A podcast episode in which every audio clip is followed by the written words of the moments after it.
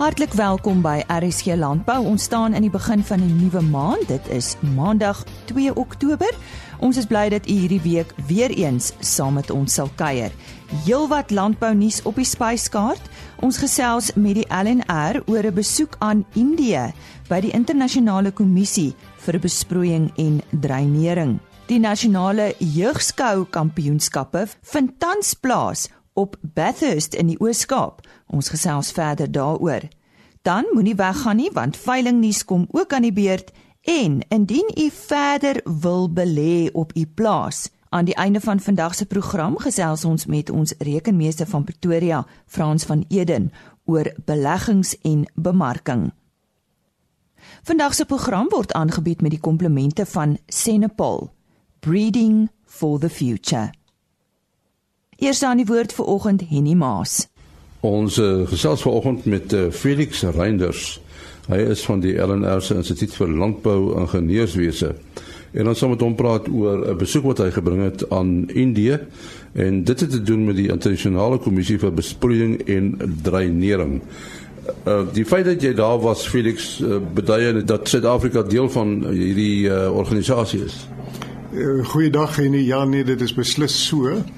Ehm uh, miskien net so 'n bietjie agtergrond die internasionale kommissie op besproeiing en drenering is 'n liggaam wat ehm uh, gestig is daar in Junie maand 1950 uh, met 'n klein groepie van 11 lande wat ten doel gehad het en nog steeds het om besproeiing en drenering in die wêreld te bevorder. En uh, Suid-Afrika het dan ook lid geword van hierdie organisasie in Januarie 1993. Ehm uh, en die stigterslede daarvan was natuurlik die Landbou Navorsingsraad, die Departement van Landbou, die Water Navorsingskommissie uh, en dan ook die Departement van Waterwese.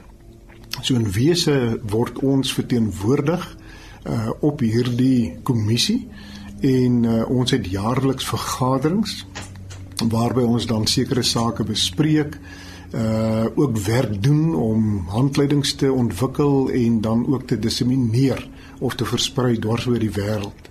So uh, ek self was nou al uh, twee keer voorsitter van uh die plaaslike uh komitee op besproeiing en drenering in Suid-Afrika en uh, dan verteenwoordig ek Suid-Afrika op die raadsvergaderings.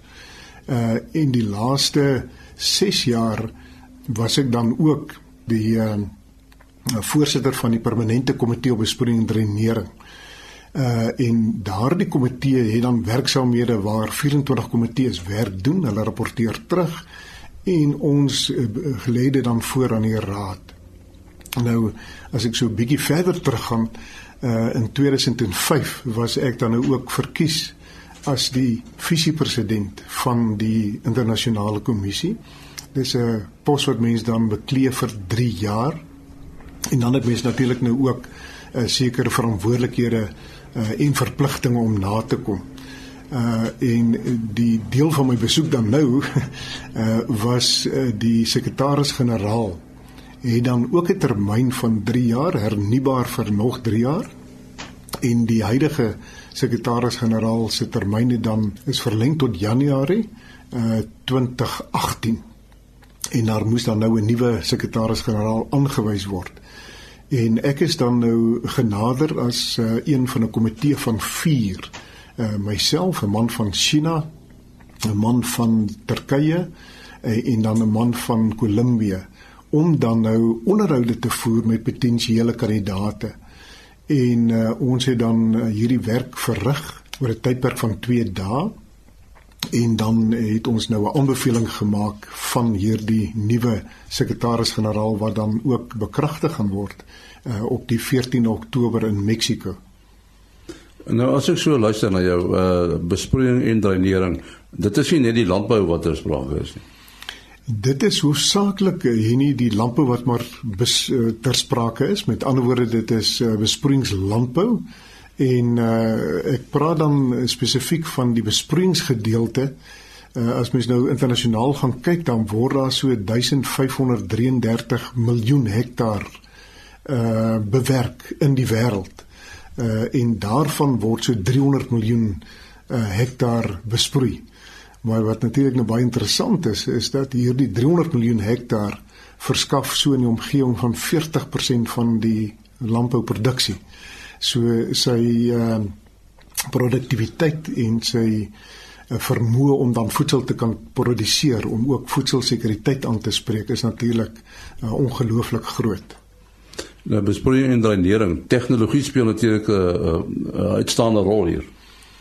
O, verseker, ja, nee, tegnologie en en ek moet sê tegnologie as mens nou teruggaan na die antieke tye in Egipte, Mesopotamië, hoe hulle begin het, uh selfs drip uh, as mens nou drupbesproeiing wat ons nou maar ken hier van die middel 60s af het eintlik maar begin daar in die vroeë jare in Egipte met klei potte wat hulle dan gemaak het begrawe het in die water dan uitgesypel binne om vir die plant te gee maar die tegnologie het eintlik tot sy reg gekom uh eer, min of meer hierso in die 59 toe 'n man van Israel uh meneer Blas die tegnologie soort van ontdek het. Nou dit het ook moontlik geraak na plastieke uh, beskikbaar geraak het na die Tweede Wêreldoorlog. Uh waar dit dan nou moontlik is om water in klein hoeveelhede uh, presisie te plaas vir die plant. Wat 'n ander interessante een is wat uh, jy miskien nie mag weet nie, uh is dat mikrospuite wat ons nou algemeen maar in die tuine sien of dan op plase by boorde en so meer, die is oorspronklik in Suid-Afrika geïnnoveer en vervaardig en toegepas, maar nie in landbou nie. Dit was toegepas om die sand van mynhope in bedwang te hou en van daar af het dit dan nou sy pad gevind na die landbousektor toe. So 'n verskeidenheid van uitstekende toerusting wat beskikbaar is, nasionaal geïnnoveer uh, en vervaardig en natuurlik selektief uh, word daar ook toerusting vir ons boere uh, ingevoer uh, om dan dit moontlik te maak dat hulle uh, presisie uh, besproeiing kan doen. Nou en dan wil ek jy die datum 14 Oktober genoem. Sê net weer wat gebeur dan? Uh dit is die jaarlikse uh internasionale uitvoerende komitee se vergaderings uh wat dan plaasvind alreeds uh, beginnende die Sondag hier by die 7 Oktober en dan gaan ons deur ehm uh, hier na die 14de Oktober toe. Nou die Suid-Afrikaanse komitee, nasionale komitee het my dan ook nou genomineer vir die presidentskap.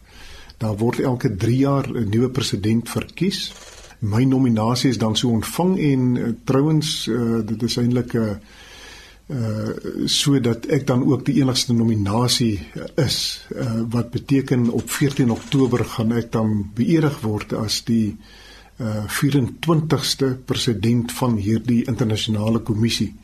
Eerste keer vir Suid-Afrika, eerste keer vir uh, die suidelike Afrika of suid van die Sahara en dan die derde keer in die geskiedenis van Afrika waar die heel eerste keer 'n man van Marokko in 1954 die president was en dan so min of meer in 1986 iemand van Egipte.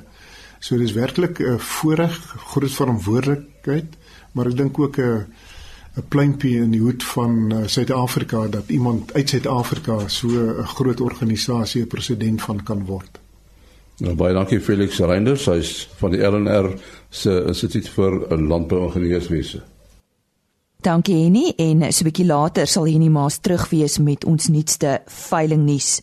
Nou ons het verlede week maandagooggend met Amor Strydom gesels. Sy is die koördineerder van die jeugskou aktiwiteite in die Oos-Kaap. Die nasionale kampioenskappe vind vir die eerste keer tans op Bathurst plaas en uh, sy gesels bietjie verder met ons daaroor. Amor, hoe word besluit watter provinsie jaarliks die nasionale byeenkoms moet aanbied? Weet jy, ons het eenmal 'n jaar gewoonlik hier rondom die einde van November het ons 'n bosberaad. En dan kry die provinsies die geleentheid om te tender soort van hulle kan jy weet die vraag word gewoonlik gevra waar word die volgende jaar se nasionaal aangebied en dan die provinsie se kans om om te sê het hulle sien hulle kans om so iets aan te bied al dan nie. Wat presies behels hierdie aanbieding nou? Wat wat moet in plek wees?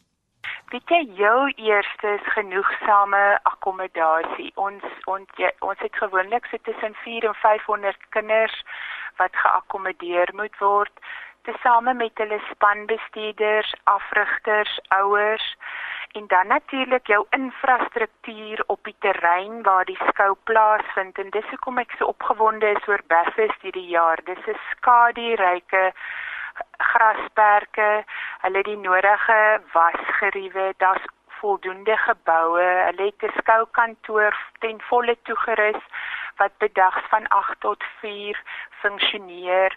So ons kan alles wat ons nodig het om hierdie skou te kan aanbied op een terrein aanbied. Die mense het nie nodig om rond te ry na verskillende opsies toe nie.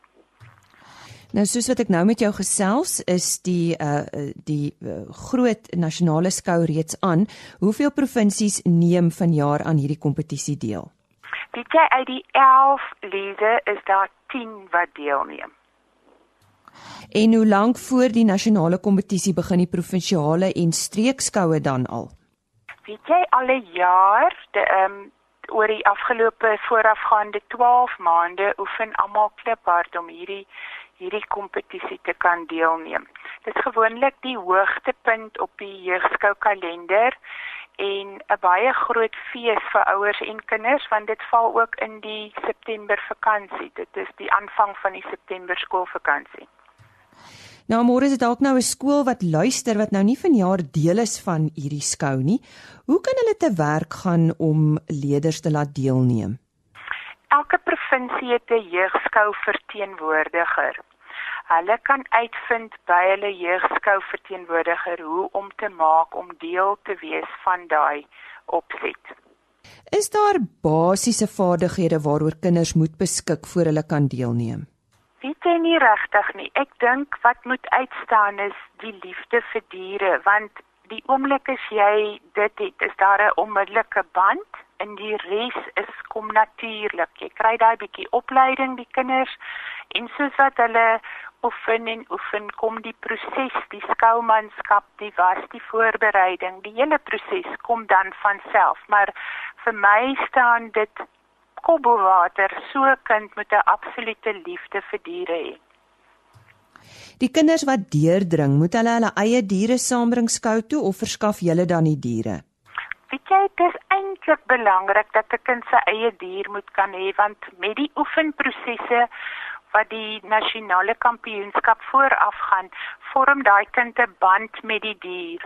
So dis verkieslik so, maar baie kinders het mos nou nie hulle eie diere nie, so dan verskaf die verskillende provinsies maar vir so 'n kind 'n dier om mee te werk. En die beoordelaars, hoeveel is daar vanjaar by die nasionale kompetisie? Ons het vanjaar 30 beoordelaars. So dis 'n hele klompie en ehm um, dit is 'n baie groot kompetisie, ja en waarop let hulle veral vanjaar? Weet jy die hantering van diere en die vaardigheid waarmee dit gedoen word is van die belangrikste elemente waarna 'n beoordelaar kyk, ja. Kom ons kom terug by die kind. Wat is nou jou mening die heel belangrikste lesse wat enige kind moet wegneem van so 'n skou af? Dis die manier waarop jy deelneem. Of jy wen of verloor, maak van jou 'n wenner. So ek sou sê skou soos 'n wenner ongeag watter plasing jy kry. En dan respek vir jouself, respek vir jou dier, tesame met die kwaliteite soos deursettingsvermoë, bekwam jou vir enige toekomstige uitdaging. So ek sal sê dit moet 'n ingesteldheid wees, 'n baie positiewe ingesteldheid wat jy uit daai hele proses met jou saamneem as jy klaar is. Dit moenie net gaan oor wen of verloor nie. Nou ons gesels lank reeds op RSG Landbou met van hierdie klein wennertjies en uh, dis altyd lekker om te luister na watter passie hulle ook na hulle diere kyk. Het julle enige idee waar volgende jaar se kompetisie aangebied gaan word, die nasionale een, Amor? Weet jy, ek het 'n vermoede, dit is eh, dit gaan definitief in die Wes-Kaap wees, maar ons weet nog nie watter plek nie nee. Die jeugskou koördineerder van die Oostelike provinsie daar in die Oos-Kaap, Amor Strydom. En nou is dit uh, weer tyd vir veiling nuus. Op die 4de Oktober is daar die Kroon Angus veiling op Viljoenskroon in die Vrystaat. Rooi bulle vroulike diere en 80 verse dragtig word opgeveil. Die Basha Boran stoet se algehele uitverkoping vind op die 6de Oktober plaas by die Kroon Boma Kroonstad. 93 dragtige koeie en verse, 12 koeie en kalvers, 17 oopverse en 44 bulle word opgeveil deur SHM Auctions. En dan op die 11de Oktober is daar die Herwoods Farming produksieveiling. Dit vind plaas by die Bullring in Bethal, dit is die Ermelo omgewing. 'n Boeran stoetbul is die aanbod, die Bullring Auction House is die afslaershuis.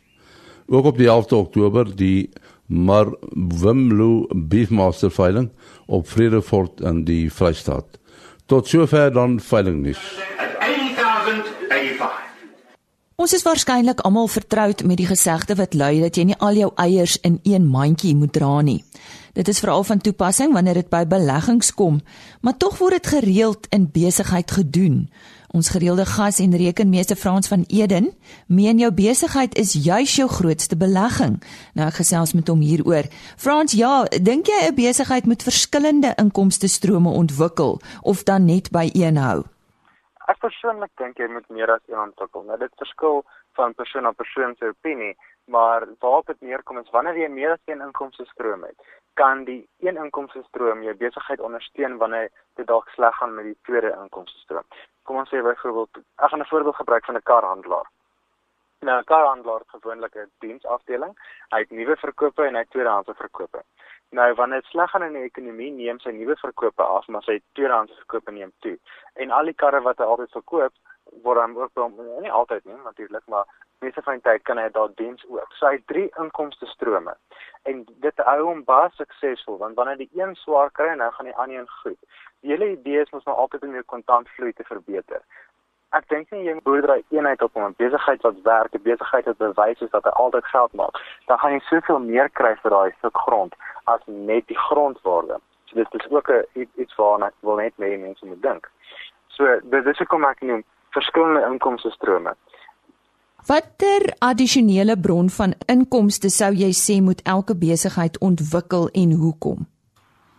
Beste beste inkomste stroom wat jy addisioneel kan ontwikkel is 'n anniteitsinkomste stroom. Nou wat is 'n anniteitsinkomste stroom? Dit is inkomste wat elke maand inkom. Dit is word geeskaleer sien na jaarliks en maak nie saak van wat in die res van jou besigheid aangaan nie. Dit sal daar wees. Nou kom ons dink net 'n algemene voorbeeld van 'n van 'n anniteitsinkomste stroom. Dis hier wat ontvang word. So die jy as boer kan dalk op die dorp 'n paar uh kommersiële eiendomme gaan koop en daarin is besighede en elke maand kry jy dan na huurinkomste. Maak nie saak wat op die plaas gebeur nie. Jy kan die administrasie daarvan ook uitkontrakteer as jy nie tyd het om dit te doen nie, maar daar's natuurlik 'n koste daaraan verbonde, maar as die koste ehm um, minder is as 'n voordeel daarin vir jou persoonlik want tyd is ook nou maar iets wat wat niemand kan meer kry van nie. So as jy tyd meer beter spandeer het op iets anderste, dan sou ek sê kontrakteer dit ook uit. So daar is die dinge wat jy in ag moet neem wanneer jy aan die tydsinkomste stroom wil hê. So ja, iets wat elke maand inkom, dis wat jy ook moet fokus om te kry. Op watter maniere kan 'n anniteitsinkomste ontwikkel word? Ja, dis dan gesê, hier inkomste is die maklikste ene alternatiefelik kan jy ander industrieë probeer ontwikkel op jou plaas. So kyk na jou plaas, kyk wat se kennis het jy, kyk wat het jy om te bied wat niemand anders te het nie. Kyk na wat jy mee sukkel ook byvoorbeeld op 'n alledaagse basis. As jy daarmee sukkel, dan sukkel iemand anders se teen ook daarmee. En as genoeg mense daarmee sukkel en jy kan 'n oplossing bied, dan kan jy 'n diens gaan bied en lewer ook vir mense. So dan die twee dele van die besigheid, die diensafdeling waar jy seker funksies kan gaan voltooi vir ander mense wat hulle nie kan of wil doen nie en jy het ook jou boerdery. So dit is nog 'n manier wat jy aan die tydsinkomste stroom kan bied. Byvoorbeeld, kom ons sê as jy 'n konsultasie sou, jy's baie goed in mielieboerdery en jy weet alles van mielieboerdery af. En jy het sekere goed wat jy uniek doen op jou plaas wat niemand anders te doen nie. En dit beteken jy kry kom ons sê 10, 20, 30% beter opbrengs. Dan kan jy daai kennis vat en jy kan dit gaan leer vir ander mense en 'n addisionele inkomste stroom ook bou. Wat van addisionele bedrywe op jou plaas? Maklikste voorbeeld om te noem is kom ons kyk na 'n wolfsplaas en 'n jagplaas. In die winter het jy het jy jagters wat kom en jy kry jou geld daarin, maar wat gebeur in die somer met jou plaas? Jy kan jou plaas so ontwikkel dat jy 'n lodge op jou plaas het. En dit is die maklikste voorbeeld om dit te neem. Alternatiefelik kom ons kyk na 'n uh, gewone saaiplaas. Dit is algemene kennis dat Afrika een van die mooiste lande in die wêreld is en en die natuur skoon is verskriklik mooi. En ek weet nie wat van jou nie liefde, maar ek ek raak baie keer so siek vir hierdie hierdie concrete jungle as wat dit so kan stel. Dat ek net baie keer wil uitkom na iewers waar waar die natuur skoon mooi is en net waar jy saaf asem kan haal. Wat is na jou mening die beste vorm van bemarking hiervoor? Natuurlik die beste vorm van bemarking is word of mouth. Ehm um, die rede daarvoor is dat as jy iemand het wat reeds na jou toe gekom het hy jy weet reeds daai persoon hou van wat jy doen. Hy is 'n tipe kliënt, hy's 'n mark waarvoor jy gaan. Maar wanneer jy iemand anders het wat jy kom ons sê 'n cold lead, as ek dit sou kan stel. Ehm um, wat nie te kom, jy weet nie noodwendig of of wat jy bied heeltemal in sy in sy lyn is van wat hy soek nie. So hy kan ongelukkig wees. Maar nou kom 'n word of mouth albei aan. Hy verwys deur sy vriend na jou toe. Want sy vriend het gehou van wat jy doen die ding is met vriendskappe jy het altyd iets in gemeen. En teenoor jy hou van dieselfde goed ook. Dis maar hoe dit werk met bemarking. So wanneer ek iets het en ek bied iets aan en ek verwys iemand aan jou dan gaan ek hom verwys na jou en ek weet hy hou van dieselfde ding. So daai persoon is reeds uh, uh, Engels noem dit 'n qualified lead. Al wat jy dan moet doen is jy moet net met hom vasmaak wanneer hy kom wat wat sy prys gaan wees want hy stel reeds belang. Anders sou hy dan nie gekom het na jou toe nie. So word of mouth is absoluut die beste Geef ons 'n paar riglyne om die optimale omgewing vir verwysings te kweek. Ja. Maklikste manier sal wees jy moet jou kliënt eers stel. So as jy die kliënt koning maak in die hele beginsel van jou besigheid en in elke aspek van jou besigheid, dan sal jy agterkom hy gaan jou beloon met jou geld. Nou kom ons dink net daaraan. Ek wil wanneer ek nou vakansie gaan, wil ek byvoorbeeld voel ek is spesiaal en ek wil dinge hê wat vir my gedoen word wat ek nie noodwendig by die huis beleef nie. En jy weet ook nog nooit noodwendig wat die persoon se omstandighede by die huis nie. So jy wil die feit dat hy sy geld by jou wil spandeer, wil jy hom beloon daarvoor. En die maklikste manier om dit te doen gaan wees maak dit maklik vir hom om 'n plaas te kry. As hy byvoorbeeld ry na jou toe, sit bordjies op lank voor die tyd wat sê my plaas of hierdie plaas of hierdie gastehuis is in X hoeveel kilometer aan die linkerkant of aan die regterkant. Wanneer jy daar aankom, het jy netjies 'n hek met 'n uh, groot teken op sodat mense nie jou kan mis nie. Dan by die hek byvoorbeeld kan jy 'n sekuriteitswag hê in 'n netjiese uniform wat nie verbleik of oud of enigiets soos dit lyk nie. Jy moet netjies crisp as ek dit sou kan stel hy moet dan jou laat inteken in 'n register. Nou hier is net goed dat ek noem wat wat ek dink dit altyd goed sal werk. Ehm um, wanneer jy ingeteken het in 'n register, dan moet jy mos natuurlik ry na reception toe. Hy kan dan vir ontvangs laat weet. Ehm um, meneer van der Walt is op pad. Ehm um, hulle is drie in die kar dan weet ontvangs jy's op pad. Hulle kan reeds die papierwerk regkry vir jou om te teken. Hulle kan reeds die brosjures en so voort regkry. Wanneer jy stop, dan is iemand reeds daar om jou te verwelkom by jou kar. Hulle kan vir jou sê hallo, ehm um, geef my jou tasse en hulle dra jou tasse vir jou. Wanneer jy by ontvangs aankom, probeer wegdoen met 'n toonbank. 'n Toonbank bring skeiding tussen jou en die persoon wat jy moet verwelkom. So dit is nie die dieselfde verwelkomingsatmosfeer nie. So jy eerder 'n sitkamer stel waar jy kan gaan sit en gesels met mense, waar jy hulle bewus maak van die reëls en hoe dit werk op die plaas en enige aktiwiteite wat jy bied. En daai moet jy mense besig hou ook wanneer daar is. Ehm um, ek sal later iets anders te ook noem wat ek dink baie van toepassing is vir dit. Maar die mense moet gelukkig wees basies. So wat jy dan doen is jy jy maak die hele ontvangs deel ook so maklik en eenvoudig vir hulle en lekker natuurlik. So gee hulle iets van hulle intap ietsie om te drink. Dit sal want mense ry en hulle raak dors. ja, gee hulle ietsie om te drink. En wat jy dan doen is van daar af maak seker hulle is bewus van al die aktiwiteite wat jy gaan hê en hoe dit presies in mekaar gaan steek daar's niks wat jou so onseker en en en 'n ervaring so bederf as wanneer jy weet jy het gesê ek wil byvoorbeeld vir 'n ballonrit gaan. 'n warm lugballon wat gaan. En jy weet nie presies wanneer dit gaan gebeur nie. Ewe skielik gebeur dit net en jy was voorberei daarop. So alles wat die persoon ooreengekom of jy ooreengekom het met die persoon gaan gebeur, moet reeds vir ons verduidelik word presies hoe dit gaan werk. Ehm um, jy kan dit doen voordat jy daar aankom of jy kan dit doen wanneer jy daar is maar spesiale goed wat gereël word verkieslik vir tyd en omreël natuurlik. Dan van daar vat jy na sy kamer toe en jy bevestig met hom dat hy wel by 'n restaurant gaan wees. Vra klein vragies wat die wat die ervaring vir die ou gaan personalize ek dit sou kan maak. Sy gunsteling koerant byvoorbeeld of sy gunsteling ehm um, koffie of enigiets soos dit. Hy het reg vir daai persoon. En wanneer hy dan vanaand gaan vir sy ete, kan jy gasvryheid instuur, die gasvryheidspan om byvoorbeeld die bed reg te maak om te slaap. Hulle sit die aircon aan as dit warm is of die heater as dit koud is. Ehm um, hulle sit slippers reg. Hulle sit 'n kaartjie met met die temperatuur daai gedrag. So die die hele kliëntervaring moet sentraal wees tot jou besigheid. Dan sal jy nooit stil wees op jou plaas met jou gashuis. Om jy af te sluit, is daar nog ander bemarkingsgeleenthede vir produsente met byvoorbeeld 'n lodge of 'n gastehuis op die plaas?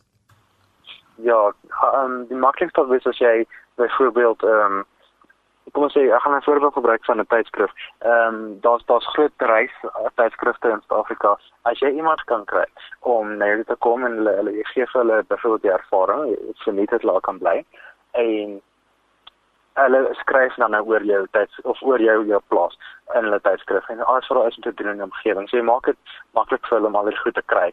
Dis een manier want dan hy hy's reeds 'n uh, 'n bekende vir die, vir die persoon wat die tydskrif lees en, en sy opinie word hoog geag.